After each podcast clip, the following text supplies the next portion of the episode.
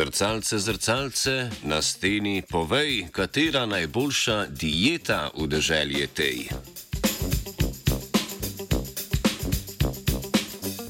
Raziskovalke z fakultete za vede o zdravju Univerze na Primorskem so v reviji Frontiers in Nutrition objavili članek, v katerem so predstavile izsledke primerjave štirih različnih načinov prehranjevanja. Primerjale so vse jede, vegetarijanske in veganske diete z LCHF oziroma Low Carb High Fat dieto, torej dieto, ki temelji na zmanjšanem vnosu oglikovih hidratov in povečanem vnosu maščob. Za omenjeni način prehranjevanja se odločajo predvsem posamezniki in posameznice z željo po izgubi kilogramov.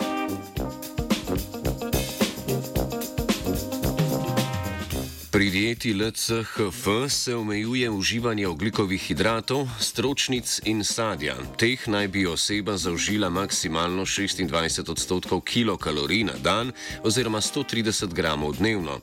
Po drugi strani pa se zaradi visoke vsebnosti beljakovin in maščob zapoveduje uživanje več mesa, rib, jajc in mlečnih izdelkov. Daljše upoštevanje takšne diete lahko privede do pomankanja vitaminov, mineralov in prehranskih vlaknin. Zdravniki in zdravnice tako priporočajo jemanje prehranskih dopolnil, kot so naprimer v vodi topni vitamini C in B ter linolenska kislina. Ta spada med esencialne maščobne kisline in jo najdemo v rastlinskih oljih. Jemanje prehranskih dopolnil se priporoča tudi pri sledenju brezmesni dieti, brezmesni verjetno, predvsem jemanje vitamina B12. Tega v telo vnesemo zgolj z uživanjem živil živalskega izvora. Omenjeni presečni raziskavi so vključili 130 zdravih posameznikov in posameznic z normalnim indeksom telesne mase. Vsi v študijo vključeni posamezniki in posameznice so eni od prej omenjenih diet sledili že vsaj pol leta. V času opazovanja, ki je trajalo tri dni, so odgovarjali na vprašalnike o pogostosti in načinu prehranjevanja in socioekonomskem statusu. Na tešče pa so jim vsak dan merili tudi serumske presnovne biomarke markerje v krvi in krvni pritisk. Opravljali so še antropometrične meritve, kot je merjenje obsega kožne gube in mišične ter kostne sestave telesa.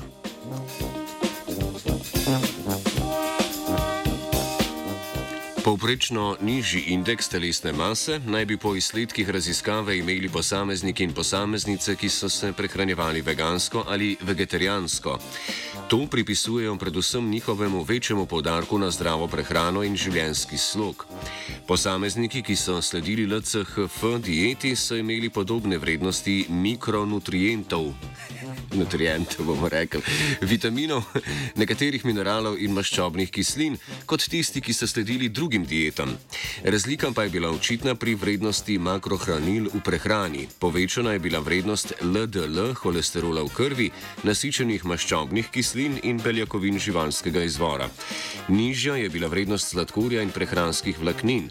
Vrednosti trigliceridov, glukoze in C-reaktivnih proteinov so bile pri vseh posameznicah, ne glede na način prehranjevanja, primerljive.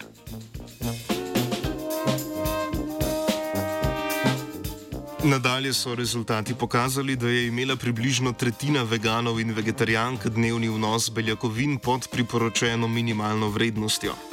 Pri vsejedcih pa je le 8 odstotkov doseglo zadosten vnos beljakovin, pojedli pa so premalo oglikovih hidratov in preveč maščob.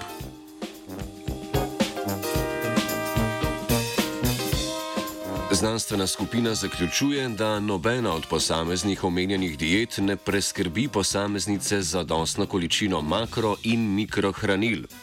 Ugotovile pa so, da se zviša vrednost serumskega holesterola pri posameznikih, ki so prakticirali dieto z nizko vsebnostjo oglikovih hidratov.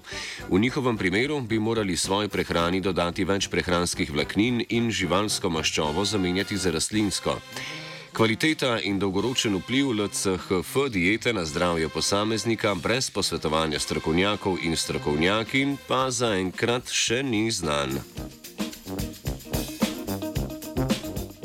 LCHF diete se ne bo šla Jana.